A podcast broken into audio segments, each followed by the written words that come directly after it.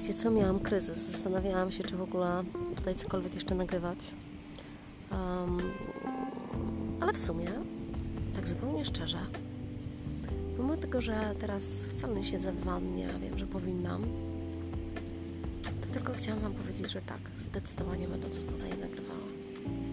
Zdecydowanie jestem przekonana, że te wieczorne mm, igraszki w wannie będą zdecydowanie fajnym momentem do tego, żeby stanąć na nogi. Idealnym momentem do tego, żeby się po prostu totalnie zrelaksować.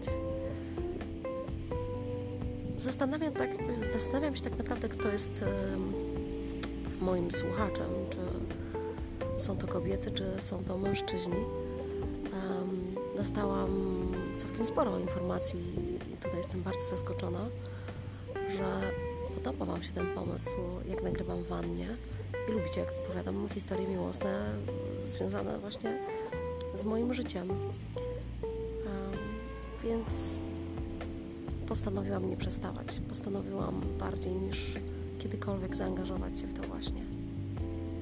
Kolejna część historii z wanny już dzisiaj wieczorem. Bądźcie ze mną. Buziaki.